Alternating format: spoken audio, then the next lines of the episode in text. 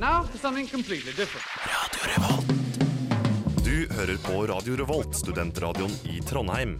Hør oss på FM 100 eller gå inn på radiorevolt.no. Ansvarlig redaktør er Olav Nikolai Kvarme. Oh, wicked! You're wicked, you're wicked? Nudge, nudge. Velkommen, eh, velkommen skal du være til eh, brunsjsending på tirsdag. Klokken har bikka ti. Eh, Olav har kommet seg ned eh, fra Steinan og inn i studio. Står bak miksebordet. Hanna er også med meg her i dag. Vi har um, en fullstappa sending, som alltid. Eh, men eh, jeg skal bare minne om at du må gjerne sende inn en SMS eh, til RR2030. Så jeg har lyst til å høre, høre en ønskelåt eller sende en hilsen til noen. Vi har også mail. Magasin1radiorevolt.no. Facebook og en kjempeflott nettside. Aller aller først, for å starte hele ballet, Sean Tonique, Dynamite.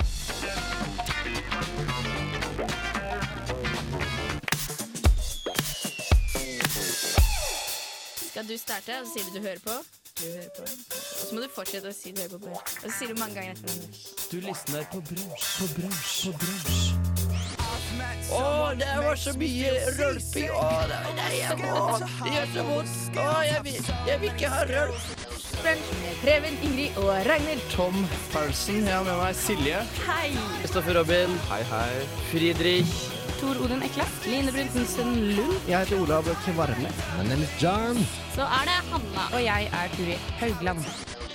Du hører på brunsj på morgenen, og vi lurer noe jævlig på hva det hvite ute er. Du hører på Radio Revolt. Brunsj. Drikk! Må smake. Du hører på Brunsj på Radio Revolt. Det er herlig. Yes da, det har blitt tirsdag, og det er fem-seks minutter over ti nå. Det er eh, fortsatt kaldt ute. Ti minutter, nei, ti minus regner jeg med. Bussene ned fra Steinan er forsinka. Eh, vi skylder på det. Olav, åssen er morgenen din? Nei, den er forsinka, som du påpeker. Ikke så litt, lite subtilt. Men eh, jeg er her nå og måtte gå litt ekstra fordi det gikk fortere. Det siste stykket gikk det fortere å gå enn å ta buss. Jeg bare gikk langs med kollektivtrafikken og for så vidt den andre trafikken også. Ja. Og ja, når, bare Poenget er da at når det går fortere å gå enn å kjøre, da er, liksom, da er det feil. Du kunne jo egentlig bare gått fra Steinan. Ja, du da, Hanna? Nei, jeg er våken. Tok en tidlig buss. Litt tidligere enn Olav. Men jeg var her sent for det, eller relativt sent. Det tok en halvtime, da, så Ja. Det er rutinert. Nei da, så det har vært en ok morgen for oss alle da. Har det ikke det? Vært og handla oss litt boller og fått satt på kaffen, så håper du har gjort det samme der ute. Brunsjen er eh, klar. Ja da, den er det. Den er det. Kaffen koker nå, så jeg skal ut og hente den i neste sang. Jeg vet du. Jeg tenkte jeg kunne spille Crystal Stilts, Shake the Shakles, um, Shackles. Det er da en amerikansk indiegruppe som um, slapp ut uh, det kritiske debutalbumet deres i 08. Nå er det nye Lissingeren da, og den antas å komme på den neste plata deres, som ikke er så langt unna, regner vi med. Det er Crystal Stilts, altså. Shake the Shackles.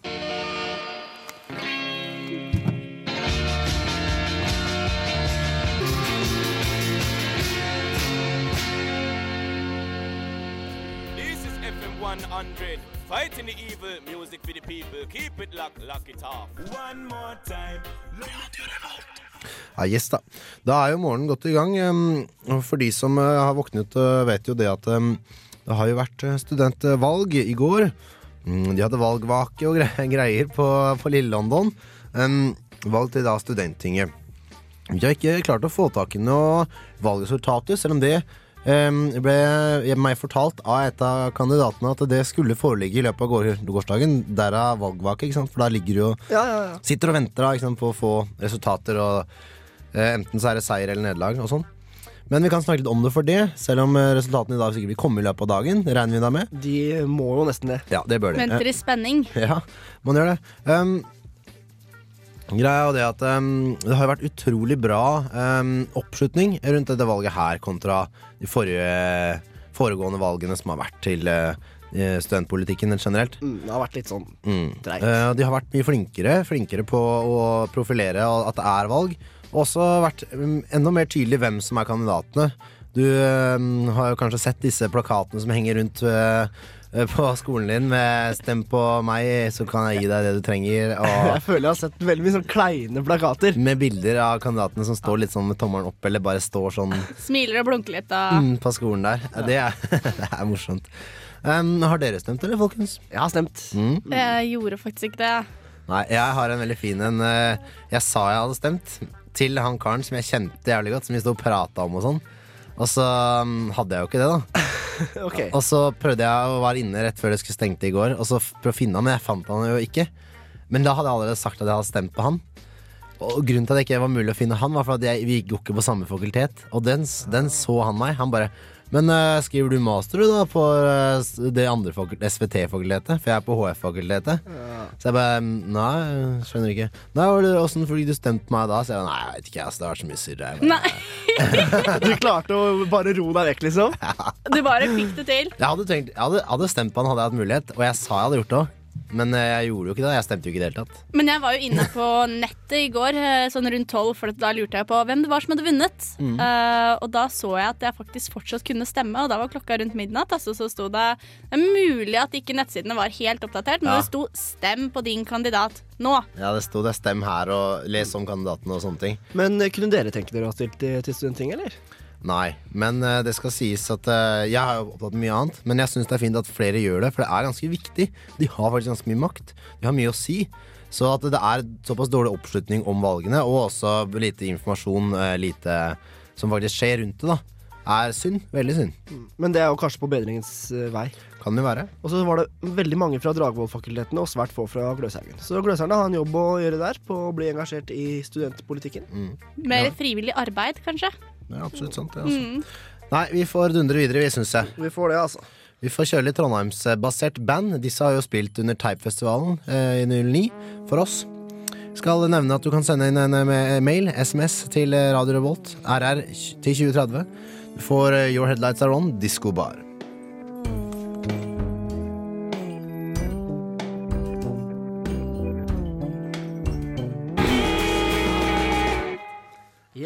Yes, da er vi på igjen. Skal vi se om jeg får eh, orden på alt eh, her. Da gjør det, for jeg veit hva jeg vil høre, og det er Lokalnytt med Fagre Styn Vals i bakgrunnen. Der var den, vet du, Jon. Herlig. Skal vi se, da. Om vi Dette får er jo, dette er jo da din, dine tre minutter, tre og et halvt minutt med eh, det ganske lands eh, eh, mer sånn jordnære eh, nyheter. De nære ting. Ja, det er veldig nært. Det Det er er det veldig, veldig lokalt og smått. Litt stusslig, sett på med litt skråblikk. Med litt sånn unge, urbane øyne. Mm. Her sitter vi fulle av kulturell kapital. Så skal vi se om det er noe Fråts i lokale Det er ganske land. Og det er mange lokalaviser i Norge. Er det ikke sånn 201 lokalaviser? Og så er det et par distriktsaviser i Er tillegg. sånn, du mener sånn ca. 201? Det hørtes ut som det var veldig Nei, men det fast er data. Jeg har hatt en prøve på det med medievitenskap. eh, Jeg har god oversikt. Her kommer medieviteren John. Eh, Det kan godt hende. Jeg vet ikke hvor Ja, mange. men det er mange, da. Det Det er er, poenget. Eh, Og du har nå gravd fram med tre flotte saker denne gangen i dag også. Det har jeg. En av de 201 lokalavisene i Norge Den heter Varingen, og ingen kjenner Nittedal og Hakkadal bedre. Nei. Og eh, nå skal dere høre det. Dette er helt ferske nyheter fra i morges, publisert nå bare for en times tid siden. Ja, 0854 står det. Stjal lykt fra kirkegården. Og man skal ikke harselere med dette her med å stjele Det er jo og- kjipt. Og, hærverk på graver og sånn. Det er selvfølgelig alvorlig. Greia hvorfor vi tar det opp, er vel mer at det er så jævla svært bilde. Og veldig sånn, det er mye tekst. Det er liksom, det er toppsak. Det kunne vært en uh, kjempeulykke, på en måte. Ja. Og så er det Det er mye info, det er svært bilde. Den ligger liksom høyt der oppe. Men det er ganske imponerende at de faktisk har oppdaga at det har, forsvunnet en lykt. For de har vel mer enn én grav der, tenker jeg. Ja, nei, men det er altså en, en enkefru da, som hadde en lykt på mannens grav, og har oppdaga at lykta hennes ble stjålet. Ja. Og eh, da har eh, den gravende journalisten i Varingen snakka med Per Skrede, som har vært eh, kirketjener siden, kirkegårdsarbeider siden 92 ved Nittedal kirke, og til 2005, så han er det ikke nå lenger, da, men han var det før, så han kan i hvert fall snakke sånn med historisk perspektiv. Ja selv om han ikke er liksom veldig aktuell for saken, egentlig. Og han kan fortelle at i løpet av min tid, da, som var egentlig veldig lenge, så har det også skjedd at eh, blomster har blitt eh, revet ned og sånn. kan han liksom legge til. Så bare for å understreke at dette her, dette er alvorlig. Dette har skjedd før, eller lignende. Ja, men eh, det er jo da veldig berettiget at de sier at de kjenner Altså den avisen kjenner eh, eh, Varingen og, og Nittedal og Hakadal godt. Ja. Um, Det kan du si. Når de veit eh, kirkebøteren, altså han kirkegårdsarbeideren, veit hvem det var da, for fem år siden, og liksom han er en fin person å bruke i den saken her. Mm. Så nei da, det var, um, det var den. Det var den. Vi går videre. Eh, Det er jo sånn, vi skal til Østlandet, til eh, Opplands- og Vi har da forresten vært eh, i Østlandet, for Hakka nytta Nittedal er også Ja, det er, det er sant. Selvfølgelig. Mm. Iallfall, eh, Hamar Arbeiderblad melder om det som er, kalles for Løkki Næroset. Har dere hørt om det? Nei. Det er altså en liten bygd mellom Gjøvik, Lillehammer og Hamar. Som bare heter Nærose. Som heter Nærose, Ja. men så har de kalt seg for Lucky, altså heldige, Mm. Nærose, og liksom hatt en veldig sånn PR-kampanje rundt dette her med å skape blest om bygda si. Mm. Og de har blant annet satt opp masse skilt rundt om i hele verden der det står Nærose, er wealth of fantasy, og så x antall kilometer til Næroset. For eksempel kan du finne et, eh, et skilt sånn i, eh, i en annen verdensdel der det står hvor mange tusen kilometer det er til Næroset. Litt Yes. som PR. Men de har driti seg litt ut. En nettadresse og greier. Ja, For nettadressen på skiltet, der står det www.lucky-naerose.nett. Det er det skiltet som står på turist... Altså det er nettadressen på turistskiltet. Og det, det her er da et bilde fra en privat bilde, riktignok, men det er liksom fra Fra Ukraina eller et eller annet sånt. Ja. Og ja, i, i alle fall, eh, pro Problemet er at uh, den egentlige turistnettsiden til Næroset er uh, samme adresse med .no til slutt. Mens hvis du faktisk går på den adressen med lucky-nærose.nett, så kommer du på en pornoside. Mm. Og det er jo ikke så rett heldig for eh, stakkars eh, heldige eller lucky Nærose, da, bygda som eh, er verdenskjent for humor, fantasi og galskap, som de i hvert fall sier selv, da. Herregud. Ja, det må jeg si. Litt humor inni i bildet blir, der, ja. blir vel litt fantasi og galskap på den pornosiden nå, men det tør jeg ikke å spekulere i. dårlig research av de som har lagd den markedskampanjen. da Fordi når du kjøper nettsider, så må du tenke på det at du eh, må sjekke hva som er nærliggende. av, liksom, hvis du staver feil. Det er veldig lurt å gjøre en sånn liten sånn sjekk på det. Mm. Det har da ikke Lucky Nærose tenkt på. Så- De har bare gønna på. Men hvorfor, og de har også bestilt opp feil på skiltene sine i tillegg. da Mange av dem i hvert fall. Ja, så det er dumt. Eh, men iallfall, hvis du vil eh, Det er lucky-nærose.no for turistsiden, og så er det .nett hvis du, kjære lytter, er en gris som vil se på porno. Men uansett så var jo dette her et bra PR-framstøt, uansett om det var feil adresse. Fordi nå har det blitt snakka om, og det var fatta interesse. All PR er god PR, siste. Det er sant. Vi må videre. Ja. Sist, men ikke minst, så skal vi til Trøndelag. Til Trondheim. Til vår egen kjære by. Det er jo, kan jo skje lokalnytt her også. Det kan Så- jo absolutt det. Absolutt. Ja. Og i eh, helga, i lørdag kveld for å være helt spesifikk, så skjedde det noe på Marienborg som er visa i elva for eh, St. Olavs hospital omtrent. Der står en sånn Fretex-container, vet du. Ja, overfor øya. På en Ja. måte. Ja. Det er riktig. Der står en Fretex-container der folk kan legge klær og sånn oppi og gi bort til uh, vanskeligstilte. Og uh, der var det en dame som satte seg fast inni containeren. Ja, Uheldig, altså. Ja.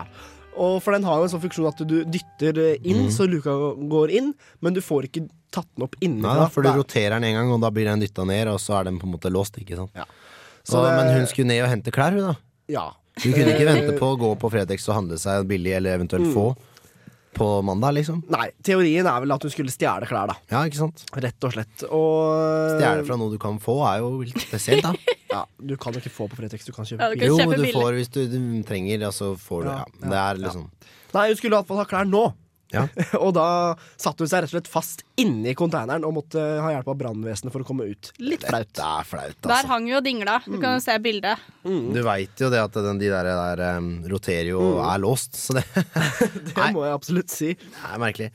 Nei, men vi, vi får dundre videre Vi får med litt um, musikk. Eh, RESP, Pumba, Torstein Hyl. Mekka låt sammen, de. Venstre og høyre heter den. Eh, ordentlig eh, rap her på Radio Revolt. FM 100 eller 106,2. Jeg tror du døra, skinnende svein, men blodskutte øyne og svimlende klein. Prøv å stenge ute ho dama og kidden som grein. Har en plass å være, men jeg forsvinner og er sein. Venstre,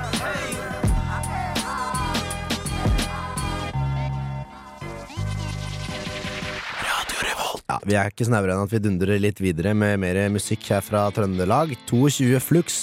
Men eh, etter denne låta skal du få høre litt om Kåre Willoch og George Bush sine memoarer som kommer ut den dag i dag. Stay tuned. Her får du Flux.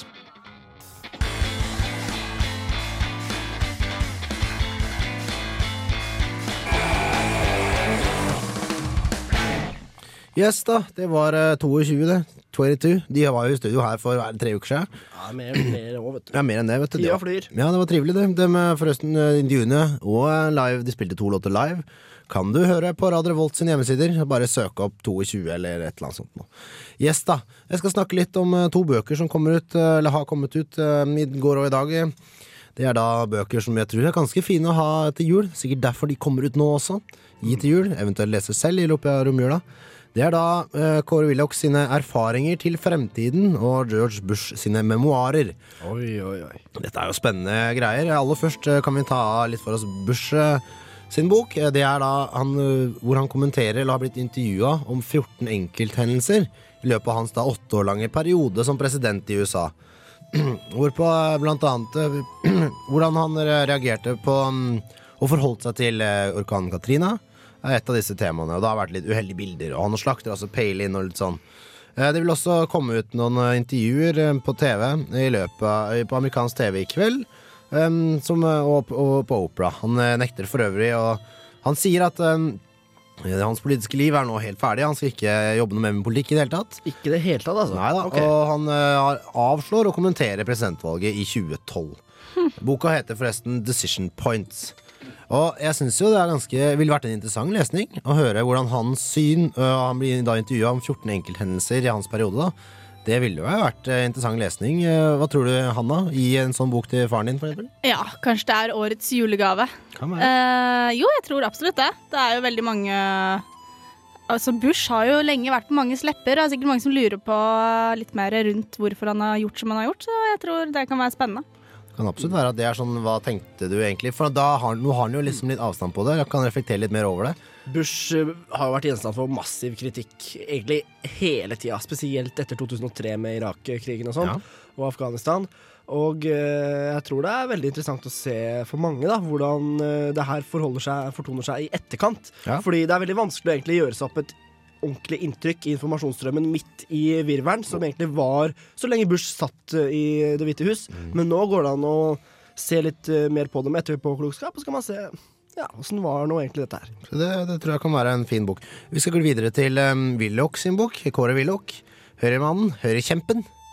Um, han uh, i sin bok um, uh, som heter Memoarer Nei, erfaringer til fremtiden. Blir da litt sett på som sånn uh, Nå gir jeg dere denne gaven av mine erfaringer som dere i fremtiden kan bruke som verktøy. Høres litt sånn undertoner der, føler jeg. Ja, det. Um, han er meget positiv og tror at et samarbeid mellom Høyre og Fremskrittspartiet vil gi mange fine resultater. Det er jo eh, kontroversielt for mange, da. Ja, uh, Willoch er jo ikke den som um, er mest på den båten, trodde jeg. Jeg lurer litt på hva slags det, jeg trodde han eh, var en litt mer sånn gammel høyremann som ville verne om eh, det ekte, gamle Høyre, og kanskje ikke samarbeide med sånne som Frp. da. Ja, men jeg lurer litt på hvilke hva er det han vil oppnå, og hva tror han Høyre og Fremskritts Fremskrittspartiet kan skape sammen, da, tenker jeg. Ja, nei, Det står ikke så altfor mye i disse artiklene her, men det, det regner jeg kommer mer frem i boken, for det her er bare noe de har hentet ut kjapt, eh, journalisten har funnet i boken. Eh, men han, tror, han sier også da at eh, de rød-grønne på en måte har gått tom for ideer. da. Em, så han ser på et sånt samarbeid som veldig spennende. Det, så det er også en bok jeg gjerne kan få av broren min til jul, for å si det sånn. Kåre Willoch han, eh, han leda landet, han, på 80-tallet. Mm, spennende, spennende der, altså. Så det er to flotte bøker da, som er nå å få kjøpt i bokhandlene, eh, regner med, i dag. Det gjør jeg. Vi skal få The Theft, um, engelsk, nei, amerikansk hiphop, The Melody, og om hjørnet så får vi teknohjørnet. Der skal vi snakke om vet du, du får vite det etterpå. Altså. Jeg, synes, Du jeg, jeg, tett til brystet. jeg vil liksom ikke røpe for mye. Husk å sende en melding du, til RR2030 så skal ha en låt en hilsen, eller hva som helst. Så skal du få The Theft, The Melody. Vær så god, her på Radio Revolt, FM 100 eller 106,2.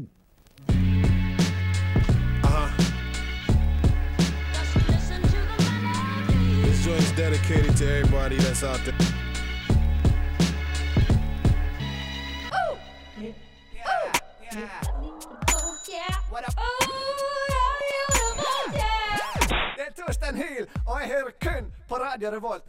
Buy it, use it, break it, fix it, trash it, change it, melt, upgrade it, charge it, point it, zoom it, press it, snap it, work it, quick erase it, write it, cut it, paste it, save it, load it, check it, quick rewrite it, plug it, play it, burn it, rip it, drag it, drop it, zip, unzip it.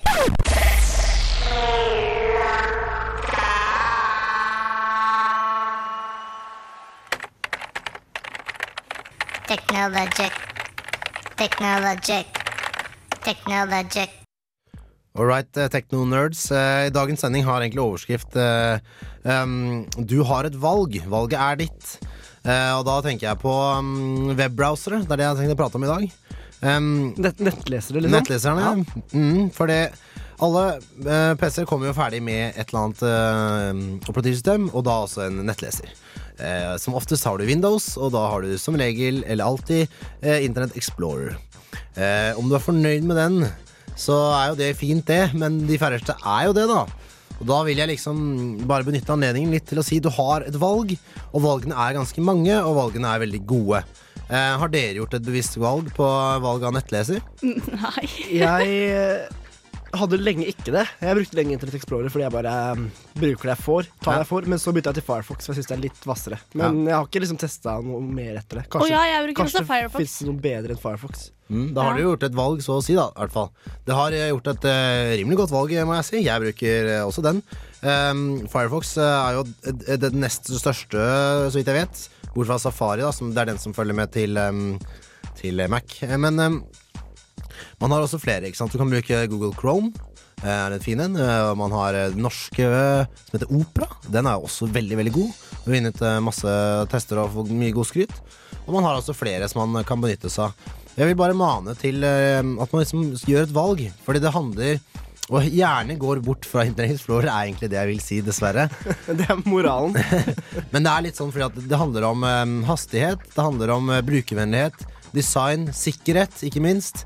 Så det er mange ting her, og også bare hvordan man syns den ser ut og føles for seg selv. Og ikke minst hvor, um, hvor enkel den er, eller enklere den kan være å bruke. da.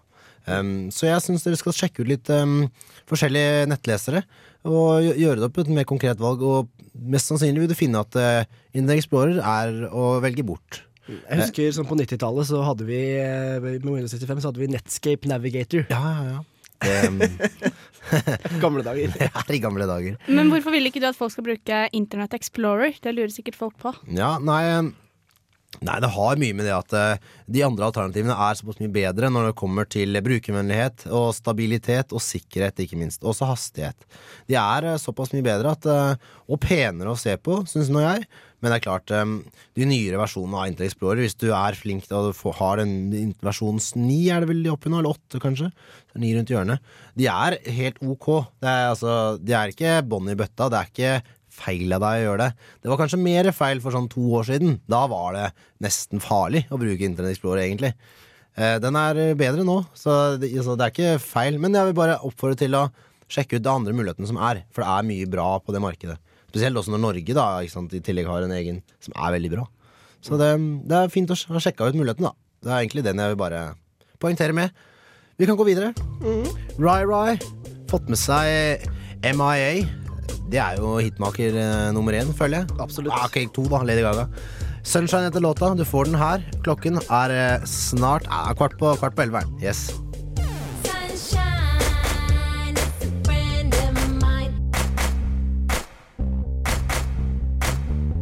Hei, det her er Josten Pedersen på Radio Revolt.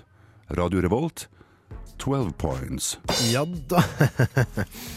Tusen hjertelig, Jostein P.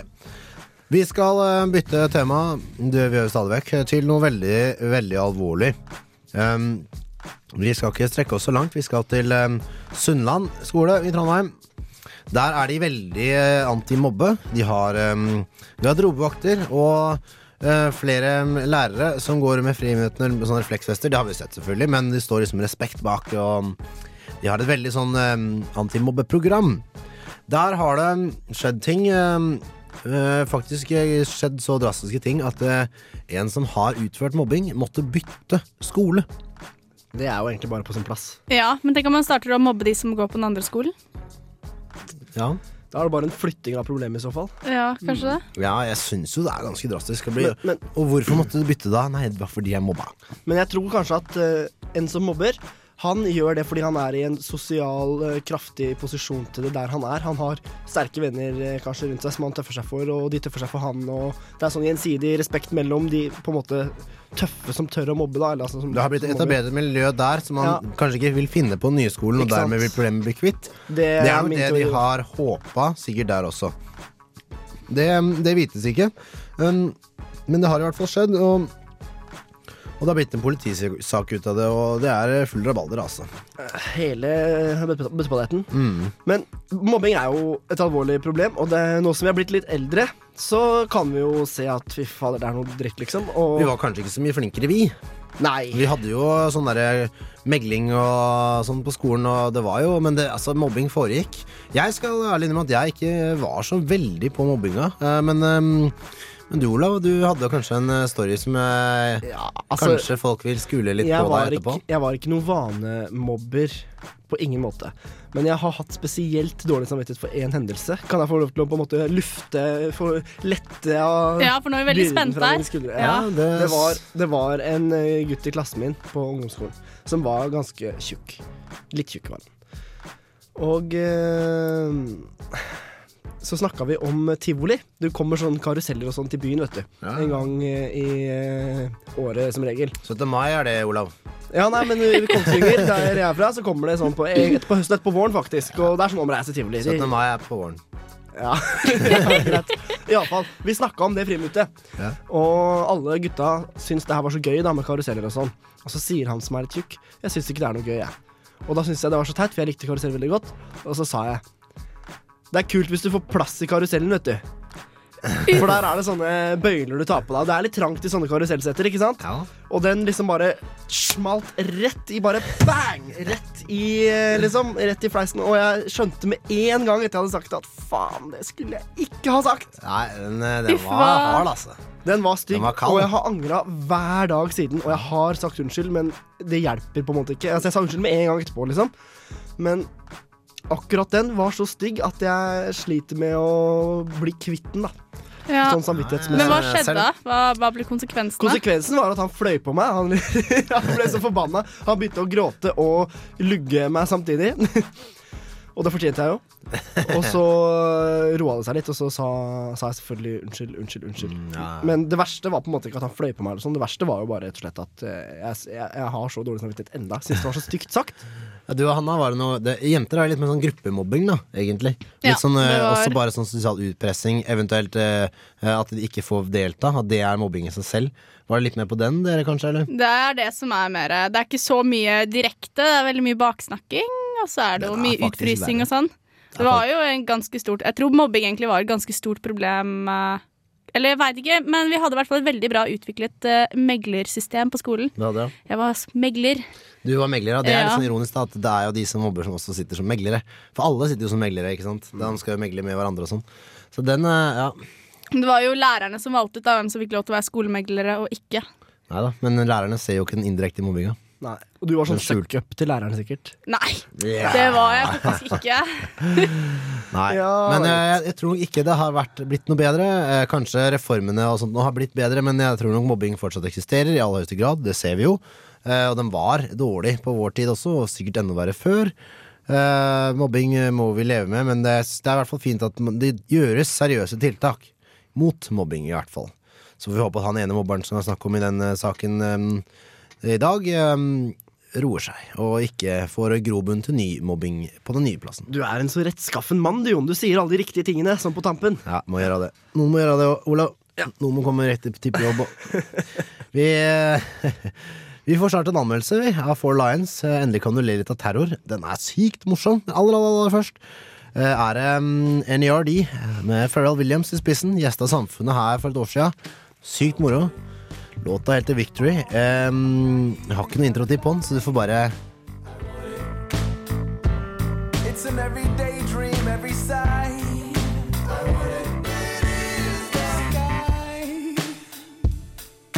Good luck. The way to stop the feds tracking you is very simple. You eat your SIM card.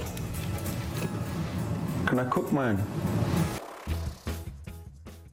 Hva får du egentlig når du blander fire radikale muslimer, en treningsleir i Pakistan, eksploderende kråker, hjemmelaget sprengstoff, banneord på urdu, en god dose paranoia og en sau? En jævlig morsom farse som handler om de mest inkompetente terroristene i manns minne.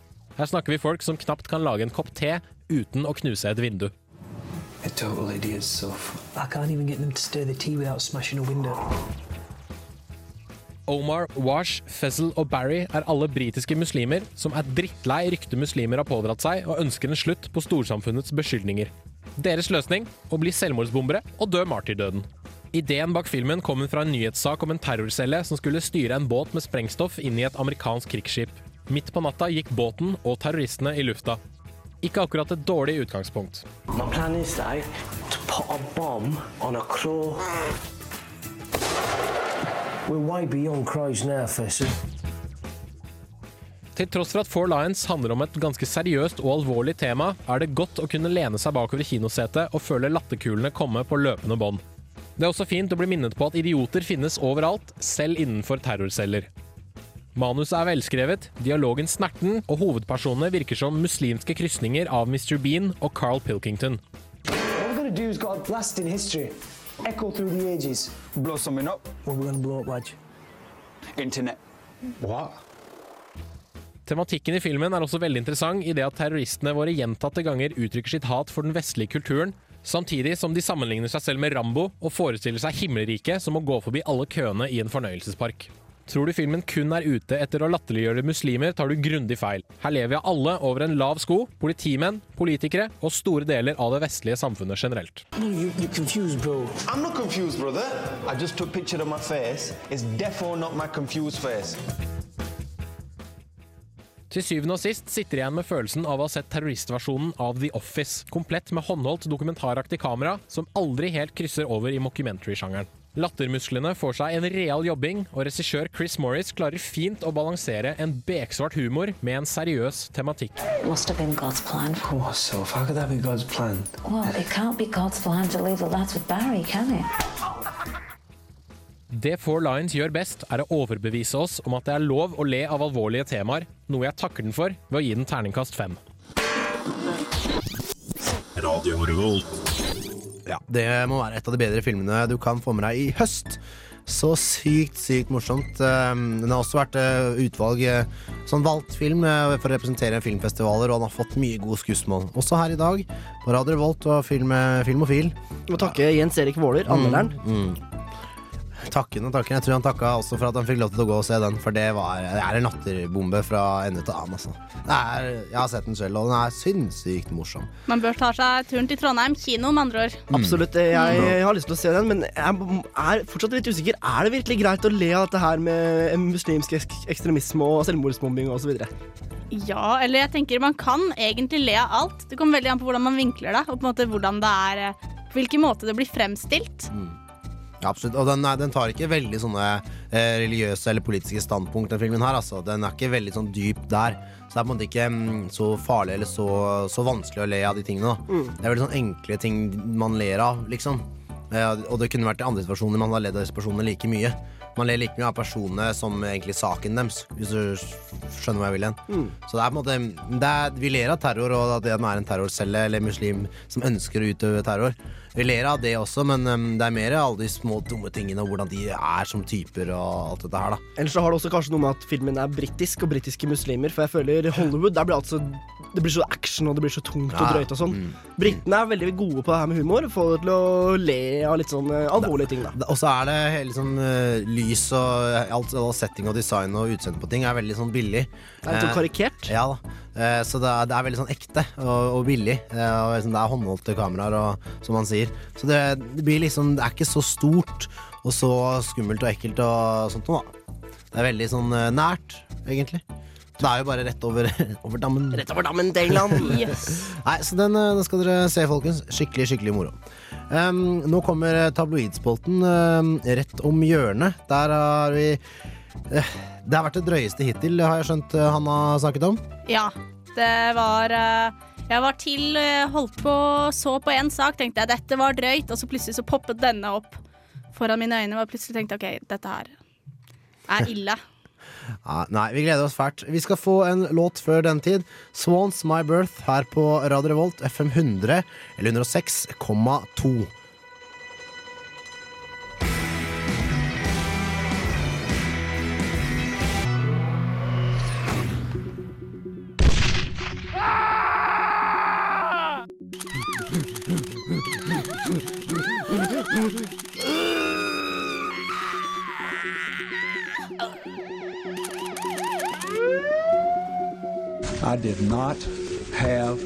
Sexual relations with that woman.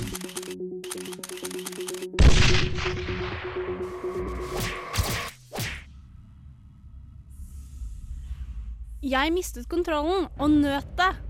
Dette er ordene til drapssiktede Stephen Hayes, som i disse dager venter på sin straff fra en rettsstol i Connecticut. I 2007 brøt han sammen med medskyldige Joshua Komasarjevskij seg inn i huset til familien Perit. Der bodde dr. William Perit sammen med sin kone Jennifer og døtrene på 11 og 17 år. Hayes og Kommissarjevskij slo dr. William med et balltre og bandt ham fast i kjelleren før de gikk løs på kone og døtre. Døtrene ble bundet til sengene sine, mens kona Jennifer fikk et tilbud. Dersom hun ble med til banken og kunne ta ut 15 000 dollar, ville familien hennes bli spart. Dette var hennes eneste mulighet til å redde sin kjære familie, og nettopp derfor gjorde hun som de sa. Idet hun ankom banken, tok hun ut pengene, men samtidig benyttet hun anledningen til å fortelle damene i skranken om hvordan forholdene var. Hayes ville på sin side ikke være med inn i banken, og nettopp derfor ventet han på henne ute i bilen. Etter en vellykket tur til banken kjørte Hayes videre og stoppet ved en butikk. Der kjøpte han bensin. Damene i banken ringte politiet etter at Jennifer hadde dratt. Politiet var usikre på hvordan de skulle angripe saken, og bestemte seg etter mye om og men om å ta turen til adressen Jennifer hadde oppgitt. Dette var drøyt 30 minutter etter Jennifers besøk i banken. Politiet, som hadde stanset utenfor huset, syntes alt egentlig så ganske normalt ut, og bestemte seg for å forlate stedet. Det de ikke visste, var at Jennifer i dette øyeblikket ble kvalt og drept av heis på sitt eget kjøkkengulv. I andre etasje ble hennes 11 år gammel datter brutalt voldtatt av Kommissarjevskij. I kjelleren lå dr. William Perrit og hørte alt sammen. Men det stoppet ikke der. Idet Kommissarjevskij og Hayes så seg ferdig med morgenens gjøremål, hentet de den nyinnkjøpte kannen med bensin. Denne ble helt over store deler av huset, samt over døtrene på 11 og 17 år, som fortsatt var i live. Drapsmennene tente på huset og døtrene. Deretter flyttet de fra stedet i familiens bil. Den eneste som fortsatt var i live, var den skamslåtte dr. William. Han klarte å løsne på repet rundt hendene og rømte ut fra kjelleren mens huset og familien sto i full brann. Dr. William krøp over til naboen, som igjen fikk varslet politiet. Men det var for sent. Døtrenes liv sto ikke til å reddes, og huset brant rett ned foran øynene på faren og ektemannen, dr. William Perrett. Nå gjenstår det bare å se hva som skjer med de tiltalte. Dommere, advokater og andre har nemlig rømt rettssalen flere ganger pga. brutale, voldsomme og grusomme bildedokumenter. Dødsstraff er et aktuelt tema for Hayes og Komisarjevskij. Dramatikk der, altså. Hannas tabloidspalte vil ingen ende ta. Vi blir litt sånn gæren av å høre alt dette her, men vi skal videre. Vi får høre Michael Jackson med 'Dirty Diana', en av hans aller, aller beste låter, etter min mening.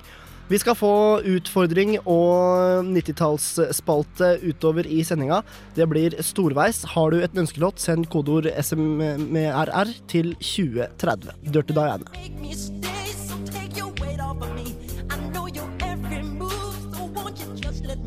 Diana i bakgrunnen der, altså. God låt. Fin en, fin en der. Eh, vi skal um, se litt sånn på hva som skjer i byen i dag. Eh, det skjer jo som alltid eh, noe. Eh, alle sånne standardting er jo greit nok. Men på Samfunnet i dag så skjer det spesielt uh, to ting. Det er en sånn eksenteraften hvor de skal um, Jeg vet ikke helt om det er en debatt eller mer sånn infomøte eller noe sånn, noen uh, kjente forleggere. Jeg er litt usikker. Men det er i hvert fall Det skal være um, hva er det snakk om eh, Man skal snakke om fra papirbokens død og liksom veien fram til eh, iPad eh, og disse lesetavlene. Jeg ønsker meg så jævlig en iPad, jeg. Mm, gjør det? Til jul. Det er nok mange som gjør det. Det har vært kult. Jeg er litt keen på det sjøl, egentlig Ja.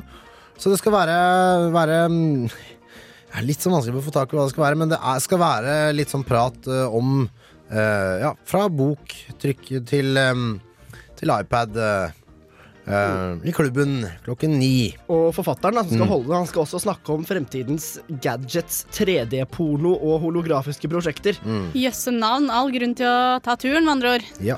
Hanna har bare hørt et 3D-porno og bare oh, yes! Neida, så det er på klubben klokken 19 i dag, altså. Eh, videre så er det også en konsert eh, på eh, Samfunnet. Eh, det er Lisby Staten fra UK. Hun er kjent som Engelske Rose, og karrieren skjørt fart da hun ble den første usignerte singer-songwriter som fikk spille på Londons O2 Arena for 30 000. Det er ganske stort.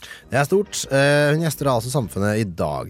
Eh, på Dokkhuset er det Vartavo og Westard som eh, spiller opp. Eh, Vartado-kvartetten spiller Schumann og Chopin. Chopin. Chopin. Mm, med Westard Shimmunks på klaver. Shimkus. Eh, Streetlights eh, artistdugnad på Byscenen. Eh, det er da en konsert til inntekt for gatebarna på Filippinene. Og Dørene åpner der klokken 19.30, og konsertstart er da 20. Det koster 150 for studenter. Og 200 for de andre. Og det er fint, fordi da gir du det til Filippinene. Eller barna på Filippinene. Og hvis du ikke har lyst til det, så kan du ta en tur på Samfunnet og quize litt på tirsdagsquizen på Edgar. Ellers så tror jeg faktisk det er quiz på Nattergalen også, så nok å finne på. Quiz oppå i mente, men det her med artistdugnad, det syns jeg er et veldig fint konsept, da. Ja, det er det.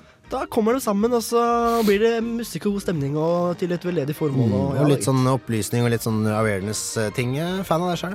Så det det er litt sånn uh, We Are The World, bare litt mindre nivå i dag, da. Ja, så jeg hadde håpa at eh, Krabben Sebastian kunne kommet og spilt noe jamaicanske trommer, som vi hører i bakgrunnen her.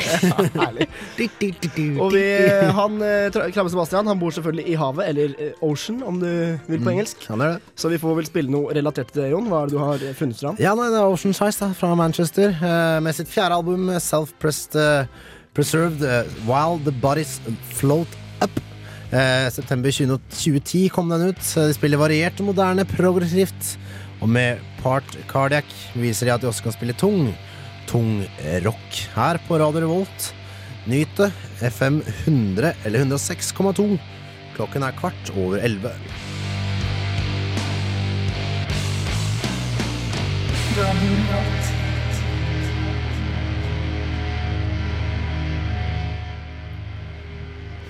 Ja, da var vi tilbake, da. Det var jo ikke det samme som Krabben Sebastian-musikk, i hvert fall. Det var, det var Ocean Size, uansett. Ja, det var bare så vidt. Det var bare så vidt det var det. Du, eh, Kan ikke du ta opp eh, dette dokumentet? For jeg har jo flere nyheter her om, eh, om dagen. Vi kan jo da se litt på f.eks. at Solskjær skal være trener for Molde. Ja, ja, ja. Det blir lansert eh, senere i dag. Det har jo vært spekulasjoner om det lenge, og det blir han. Mest sannsynlig. Han blir lansert i dag klokken to, tror jeg det er. Og det var jo så bra, for Molde ble så glad, så jeg. For nå tror de at de skal vinne hele cupfinalen. Særlig. Mm, de sa at Solskjær er redningen. Mm. Eh, de er riktignok ikke en cupfinale i år, da. Det er det Godset og Follo som er. Ja, ja. Hør eh, Jon eh, gliser i Jeg vet skjegget. ikke om du hørte det smilet som bare kom ut av radioen der. Nei da, men eh, de får jo en stor profil og en veldig flink trener. Fått gått liksom i dette Manchester United-akademiet i mange herrens år og jobba tett med sir Alex Ferguson. Og mm, det betyr også at Molde kommer til å få en sånn link til Manchester United med spillerutvikling, og de kan liksom sende spillere fram og tilbake. Og det her kan jo virkelig bety et løft for norsk fotball eh, som helhet også. Så det, det er mye positivt, ikke bare for Molde, men for norsk fotball, at eh, Ole Gunnar Solskjær vender tilbake og bidrar her til lands. Så det blir veldig spennende å se. Hvor lenge siden er det han eh, på en måte var på topp? Han, han har, har han spilt fotball, til nå? fotballkarriere, um, det er nok eh, fort en tiår siden, tror jeg. Jeg husker han var stor, altså. Ja, da, han Han var var det. han har fått veldig mye skryt og veldig mye tillit, og opparbeidet seg veldig mye kunnskap i dette akademiet, og trent andrelag andre lag og juniorlag for Manchester United, altså. Så det er ikke noe hvem som helst. Han er ikke noe sånn fotballspiller som har gått et års treningskurs, og så skal han ta med seg navnet og være trener. Han tar med seg trenerkompetansen og fotballforståelsen, som kan bety mye. Så det er absolutt ikke hvem som helst. Så det er veldig veldig bra. Det er kult. Nå har vi liksom to sånne trenere i Norge, eller norske, da, eh, som bare er skikkelig bra, høyt, høyt internasjonalt nivå. Da er det Ståle Solbakken, selvfølgelig, for FK København, som blir landslagstrener eh, om er det halvår til, eller noe sånt. Og, um, og da også da den hjemvendte sønnen Solskjær. Røkke var jo personlig engasjert for å få Solskjær tilbake til Molde og norsk fotball. Så det er tydeligvis snakk om ganske mye penger, da, strengt tatt. Og nå har han fått det til. Ja, det har fikk fått til. Så det din er- luring. Ja, han får til mye rart. altså. Han er en luring. Du, eh, Brunsj utfordrer brunsj kommer rett om hjørnet. Aller aller først skal vi ha Proviant Audio, All This Time. Kjempekul, eh, ja, låt. Det er skikkelig skikkelig sånn godlåtgreier, altså. Um, Mannen bak Proviant Audio, Audio er nå tilbake på Radio Revolt med ny EP. Til våren kommer hans debu- debutalbum Real Loves Takes, Taste Like This. Åh, Det er sånn dansbar elektronika jazzfunk fra Vestfold, faktisk. Av alle steder. Ja da, ja da. Nei, det er skikkelig deilig, altså. Det er veldig, veldig ålreit. Så her får du nå oss, Proviant Aldo, All This Time på radio Revolt. Brunsj utfordrer kommer rett om hjørnet.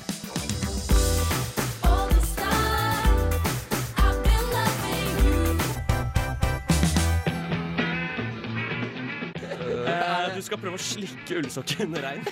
Men jeg utfordrer deg. Da prøver du. Men, Da eh, tilbake til utfordringa. Brunsj utfordrer brunsj. Det var ikke så ille. Det jeg har utfordra deg Og det er meg, ja. Jeg har uh, gjort utfordringa. Tar du utfordringa? Ja da, vi, vi tar utfordringa, vi altså. Vi har fått eh, utfordring fra mandagen, og hvorpå vi skal forklare litt eh, hvordan ildfluer eh, opererer når de skal finne seg partner, og hvordan de opererer videre etter der igjen. Når de formerer seg. Ja. Litt underlig. Ja, det var jo også en utfordring å få, må vi si. Men vi har tatt den, vi selvfølgelig, og funnet ut litt om det. Eh, Ildfluer bruker eh, dette lyset eh, for å tiltrekke seg partnere. Så det faktum at de kalles ildfluer, at de lyser, det er i forbindelse med det her med å, mm. Det, man trodde jo før at det var for å være avskrekkende, eh, altså nei, for å, for å skremme eh, folk som går forbi, og liksom, så man ikke tråkka på dem og sånne ting. da Eller eventuelt andre insekter som ikke kom hit, for vi lyser er farlig. Men det kan jo faktisk bli litt farlig, for at, eh, som vi leste, så, eller fant ut av, så er det de som ikke er lysfluer eller ildfluer, eh, så kommer det kanskje en random annen, et annet tilfeldig insekt. De blir faktisk spist, så det Mm. kan være litt farlig. Hunden spiser eh, insekter som ikke er andre hannildfluer. Ja, for saken er vel at hunden lyser. Mm. Og for å tiltrekke seg partnere til formeringa. Og hvis hun da tiltrekker seg en uh, hann av en annen art, som da selvfølgelig er uønsket, så spiser hun den uh, insekten. Ja, det stemmer det. Cunning eh, bitch. Eh, og de lyser uh, i forskjellige rytmer. Det er forskjellige sånne mm, eh, ildfluervarianter her. Eh, Noen pulserer, noen lyser konstant, noen blinker. Noen eh, lyser på signal, nærmest, litt sånn morse. Noen lyser i grupper, at det er en lyser der og så der og der. Og så er det liksom et sånn nettverk av lys, på en måte, i klynger. Og gruppe seks. Mm, ja, ja, det kan være at Ja, det er kanskje det de oppfordrer til. Det kan være. Um, men hvordan de faktisk formerer seg, har vi egentlig ikke helt uh, trekk på. Vi antar at det er noe litt sånn spyttkjertler eller noe sånt. Vi. Så for å ta prosessen litt kronologisk, så er det da uh, Hunden lyser for å tiltrekke seg partnere. Partnere kommer når de ser lyset.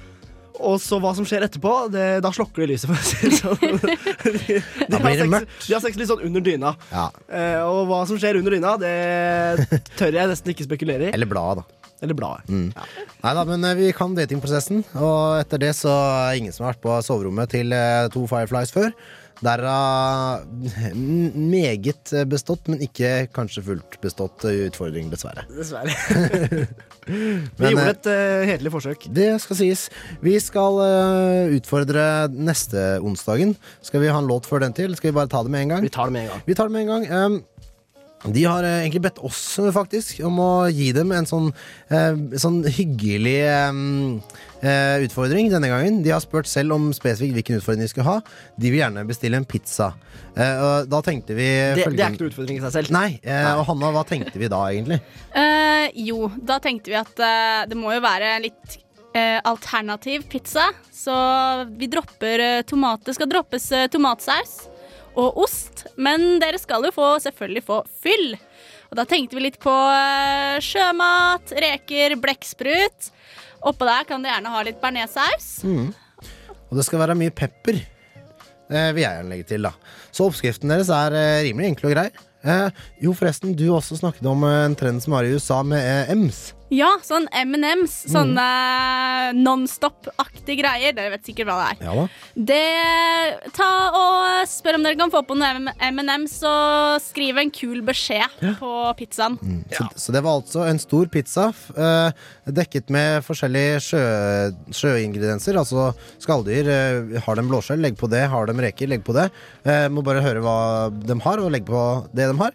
Eh, det skal være bearnéssaus, det skal være godt med pepper, og det skal være M&M's. Det er gjerne skrevet noe artig.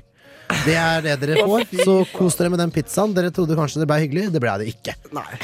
Skal det være, så skal det være. Hvis eh, du, kjære lytter, lurer på hvordan dette her skal gå, så må du høre på Brunsj i morgen fra 10 til 12. Det må du så absolutt. Eh, Vi skal nå få Deer Hunter, helikopter, her på Radio Revolt. Den ble eh, ukas album uke 41, men nå er det uke 44, så da var det den gang. Kjør på, du, Olav. My final days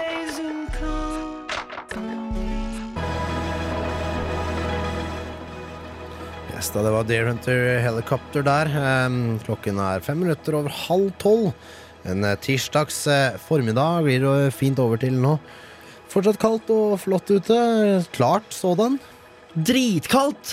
Det er det. Det er eh, passert ti grader, og snøproduksjonen er i full gang på diverse skisentre. Og hvis du ikke vil bli forkjøla av kulda, da må du spise mye frukt. Det er riktig å passe på kroppen. Eh, Det får oss veldig over til det vi skal, jeg har lyst til å snakke litt om nå. Jeg, em, jeg vet ikke om dere har sett eller fått med dere, eventuelt så kommer dere i hvert fall til å gjøre det. Denne Bama-reklamen som ruller på TV-skjermer med eh, annet eh, Erik Huseklepp og Morten Gans Pedersen og Jon, Jon Arne Riise i hovedrollene. Hvor eh, eh, Erik Husklepp er også, liksom lurer seg bort og skal eh, spise smågodt, eller kjøpe smågodt. Og så mm, kommer Ar nei, Jon Arne Riise og, og Morten Gans Pedersen og liksom fersker han, da. Ikke sant? Han blir ferska. Og kjøper små- smågodt, så tar de med han bort til eh, bananhylla liksom, og Bama, ikke sant? Og sier at frukt er bra for deg og godt for kroppen og sånn. Og så er det en jævlig klein sang. Du kan ikke ha reklame uten sang. Nei da, altså de synger litt sånn autotuna, litt sånn 'passer godt på kroppen' det- det- Altså noen greier. Og den er veldig klein og veldig dårlig. Det er sånn håndholdt kamera, eh, og det er, det er veldig dårlig skuespill og veldig dårlig sang. Veldig klein. Um, den har vel blitt hetsa av en medieprofessor? Ja, den har blitt veldig uh, hetsa, uh, og det her er pinlig berørt hver gang jeg ser den, sier denne professoren, og sånne ting. Det er greit nok det, Mr. Bay-professor, men øh, du har husket den. øh, Du har veldig bitt deg merke i den. Du husker hvem som, øh, som har vært med i filmen. Du husker hvem som har blitt øh, profilert. Det er Bama, det er frukt. Det har du bitt deg fast merke til. Og det er det som er poenget med reklamesnutten, ikke sant? Jo, det er det. Eh, så dermed så Og i tillegg så genererer du faktisk bare enda mer eh, medieomtale ved å komme med sånne utspill. Og det er utallig mange nettsaker nå om det. Nettopp at det Morten Gans Pedersen tar det i forsvar og sier eh, liksom ting som at det var gøy å være med, og jeg syns det er teit av deg å gå og disse reklamefilmen vår. Det er liksom litt av avtalen, så du må jo faktisk være med på det, da, men Mm, så dårlig kvalitet eller ikke, så igjen, all PR er god PR, og det her er absolutt god PR. Reklamen er suksess, da. Reklamen er virkelig en suksess. Det tar meg altså tilbake til andre ting. eh, En sånn kampanje som var eh, Som Aker Solutions kjørte her for forrige Nei, det var ja, forrige uke. Hvor de liksom drev og harselerte med at eh, de ikke er så gode på internett, og drev og bare eh, iPad er bare en gigantisk notisblokk, og harselerte veldig med det. Fordi de er veldig selvironiske. Men allikevel så var det, ble det veldig masse oppstuss. Bare, Hva faen er det Aker som driver med? Er det her tull og sånn? Men det var veldig uh, smart, det man gjorde. At man lagde noe dårlig for å så bli lagt merke til. Fordi det er produktet ble lagt merke til uansett. Du har snakket om. Jeg tror En annen grunn til at det blir lagt veldig godt merke til, er at Jon Arne Riise og Gamst Pedersen og Huseklepp er eh, med, da. Det er jo veldig lett å Man kjenner det igjen, og Ja. det Og hjelper. For det er jo landslagsspillere, og de blir sponsa av Bama. ikke sant? Men frukt er jo som vi alle vet sunt, men han karen i reklamen ville jo først kjøpe smågodt og godteri. Det er vel noe vi skal snakke mer om eh, straks. Stemmer det. Vi er I Snittas-spalten vår, som er rett om hjørnet, skal vi ha om liksom det gode gamle godteriet som vi kjøpte på 90-tallet. Det være seg hockeypulver og eh, bonbon og chupa chups og Oi, alt det greiene der. Vi skal mimre litt skikkelig om eh, de stundene når man liksom eh, gikk bort på Statoil og fikk kjøpt noe smågodt og kosa seg. Eh, vi får først Louisa Maita. Lero Lero. Det er en DJ Rapture remix her på, på, på FM-båndet, 100 eller 106,2. Har du en SMS, send den gjerne til oss. RR 2030. Hvis den ikke er til oss, send den gjerne. Det er hyggelig, det.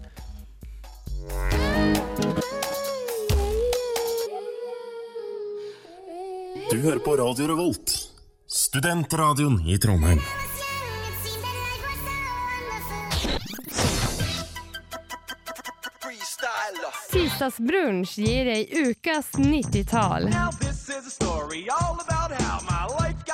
turned upside down, and I'd like to take a minute, just sit right there.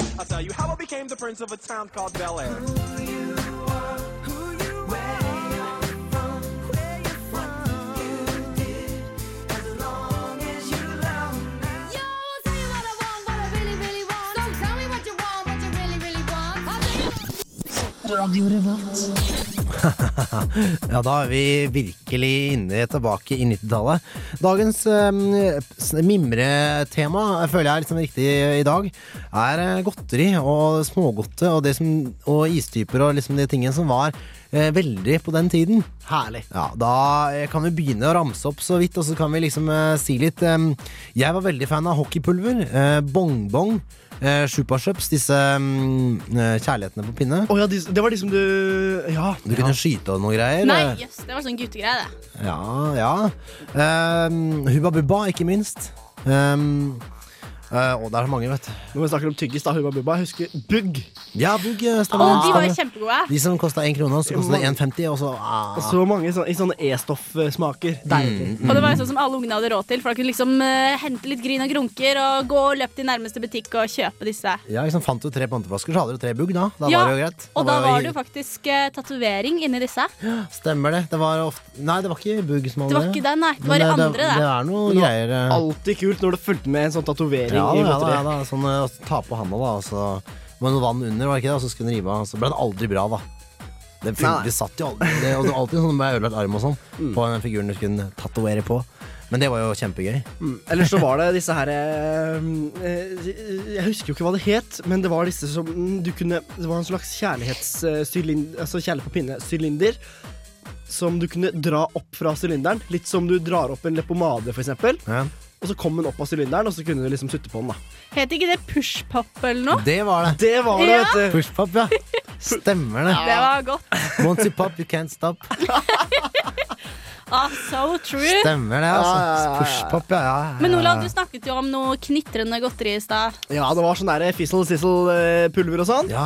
Og da var det gjerne sånn at du putta en kjærlighet på pinne oppi et pulver som fulgte med, og så tok du på tunga, og så liksom knitra det sånn på tunga. Mm, det smalt Det, skikkelig. ja, altså. det var, Ja, ja. ja, ja. Det var, og det bare Det var, var som en eksplosjon av glede og smak i Så gikk det sånn munnen. eh, knitre, knitre. Å, husker du de der um, kjærlighetene som var sånn blå på, blå på tunga?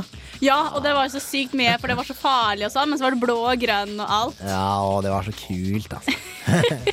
Men du, også, du bor jo litt nærmere svenskegrensa. Der fikk dere kanskje sånn derre um, evighetskule ganske tidlig. Det stemmer det. Uh, mange som hadde disse evighetskulene. Og det tok jo så utrolig lang tid å spise dette, da der var navnet evighetskule. Da var det mange som hadde det på rommet sitt og putta det tilbake igjen i posen når de hadde sutta på den en time, og sånn gikk det vel en måneds tid, da. Den varte faktisk helt sykt lenge. Ja, det, gjorde det. det varer veldig lenge. Og Og den var- var ikke kjempegod heller, vet du, før du kom helt i bånn. For inni der var det gjerne enten et pulver eller en tyggis. Den var rimelig grei. Men det, mye av det rundt syns ikke jeg var noe sånn kjempe. Jeg hadde heller kjøpt meg en tyggis enn å liksom sutte på en svær, vond kule i en Du måned for å få én liten tyggis. Ja, men du har jo godteri for ti kroner da, en hel måned. Men det sykeste, som, som jeg tenker på nå i ettertid, da Det er at du sleika på den og hadde masse bakterier fra munnen din, og sånt, og så la du liksom ned i skrivebordsskuffen. Kanskje ikke inn i plastposen engang, bare Ja. ha den rett i skrivebordsskuffen. Liksom. Som blir skikkelig tørr og jævlig og bare litt sånn støv kanskje. Og sånn. Det er helt drøyt. det er Faktisk helt, helt drøyt. Uffa Men var også mye sånn iser som var veldig sånn på den tida. Jeg husker om sommeren spesielt, og fotballcuper og alt mulig, så var det mye av de der em, de lange, tynne som plastikkposene, egentlig, med bare sånn saftis. Altså Det var jo sånn vann og med colasmak og sånne ting som var fryst. Så skulle man klippe av og så gå og suge på disse Husker dere de? Ja, de husker isene jeg. Ja, ja, det var det mye av. Jeg vet ikke om det er det, ja, kanskje det fortsatt òg, men uh, jeg husker at det var veldig sånn jeg kjøpte mye av på fotballcup og sånn, da, ikke sant.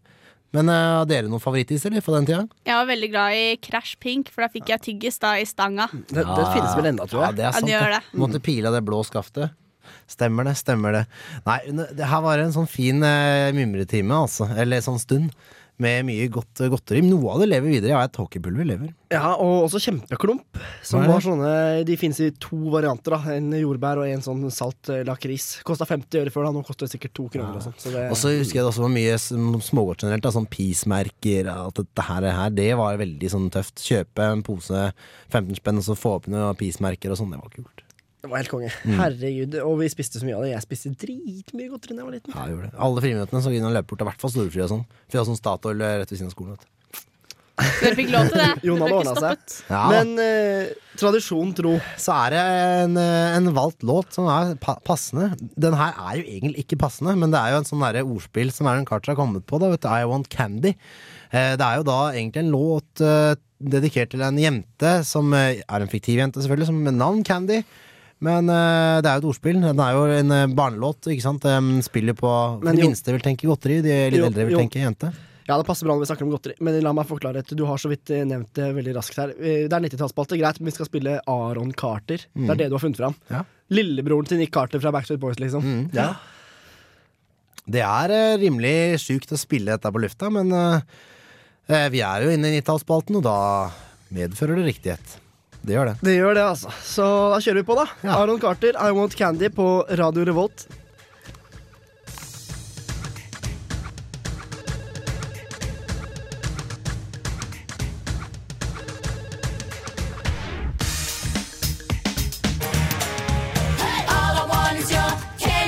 Du hører på Radio Revolt, studentradioen i Trondheim. Ja, og for de som eh, ville høre noe litt eh, tyngre og litt mer sånn heftigere enn det der, så beklager, altså. Det er det har vært 90-tallsspalte i øst, og da blir det sånn. det er jo Men jeg håper dere kan se litt humoren og litt mimreverdien i det, da. Herlig vi har og Carter en gang iblant. Det er ikke feil, det, altså. Vi har jo spilt på The Spice Girls og Backstreet Boys for den tid. Så, og det blir til neste gang, selvfølgelig også. Da tenker vi å peile oss inn på et av de største film, filmene noensinne, og i hvert fall innen den tid. Blir da Titanic 1. Oi, oi, oi. Den alle vil se på kino. Ja, den er eh, verdens mest langdrøye film, men den er jo fin, da. Men vi må begynne å avslutte, folkens. Tida løper rett og slett fra oss. Den gjør det. Den har jo bikket eh, Ja, dere er eh, åtte minutter til eh, timen vår er ferdig. Vi skal eh, avslutte nå, men eh, aller aller først må vi oppsummere litt, føler jeg. Vi har vært gjennom såpass mye i løpet av dagen i dag. Vi har snakket om eh, den eh, morsomste filmen eh, jeg tror, i høst i hvert fall. Eh, det er da Four Lions, eh, som Jens Erik Våler fra filmen Ofil har anmeldt for oss. Eh, om, det handler da om disse mislykkede terroristene som ikke får til en dritt og er veldig morsomme. Studenttinget har hatt valg. Vi vet ikke hvordan det gikk. For det har de ikke postet på nettsiden. Ikke, postet. Ikke offentliggjort. Nei. Ole Gunnar Solskjær blir trener i Molde, og det er fint for norsk fotball. Vi har eh, snakket eh, om hva som skjer, eh, ikke minst. Eh, på Samfunnet er det mm, eh, eh, en forfatter som kommer og prater om fra boktrykker til død til iPad-lesning. Og så mye, mye mer. Og vi har hatt faste spalter. Hanna, din syke, syke tabloidspalte. Ja, med voldtekt og drap og ildspåsettelse og i det hele tatt. Der var uh, Fikk man alt. Ja, det er, uh, det er mye drøyt du finner opp. Jeg blir overraska hver gang. Og det mye rart og mye dritt som egentlig skjer, som du klarer å finne. Da er det greit å ha Jons teknospalte til å dra oss litt ned på jorda igjen. Og Ja. Jon, du maner til eh, bevisst bruk av nettlesere. Jeg gjør det. Ta oss og Gå ut og søk litt på hvilke nettlesere som er der ute. Det er veldig mange flotte. Jeg syns dere skal være litt mer bevisst på valget av det. Eh, Du, Olav, har funnet eh, mye bra eh, lokalnytt, som alltid. Ja, og til og med en bygd som hadde en turistnettside som var nabo med en grov pornonettside. Litt urutinert.